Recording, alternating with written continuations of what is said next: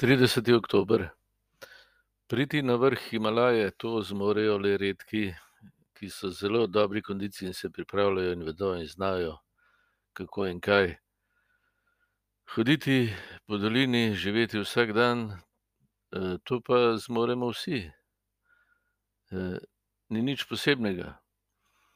Malo težje znotraj tega pa je izbrati zadnje mesto, ponižno služenje, odpuščanje, usmiljenje pa bližnjemu služiti.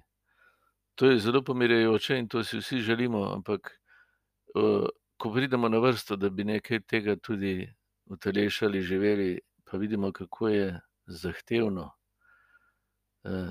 Čeprav ni to nobenega neverjetnega vzpona, se nam zdi nemogoče, kajti vsak od nas si želi višje mesto, si domišlja, da si več zaslužimo, kot pa je v resnici, ne. Vsi si domišljamo, da smo pošteni, dobri, spoštovanja vredni, da nas drugi upoštevajo in častijo in tako naprej. In to je res, ampak do tega ne prideš tako, da se sam napihuješ, uveljavljaš, zahtevaš čaščenje. Če tako delam, pravi Jezus, vsak, kdor se povišuje, bo ponižan.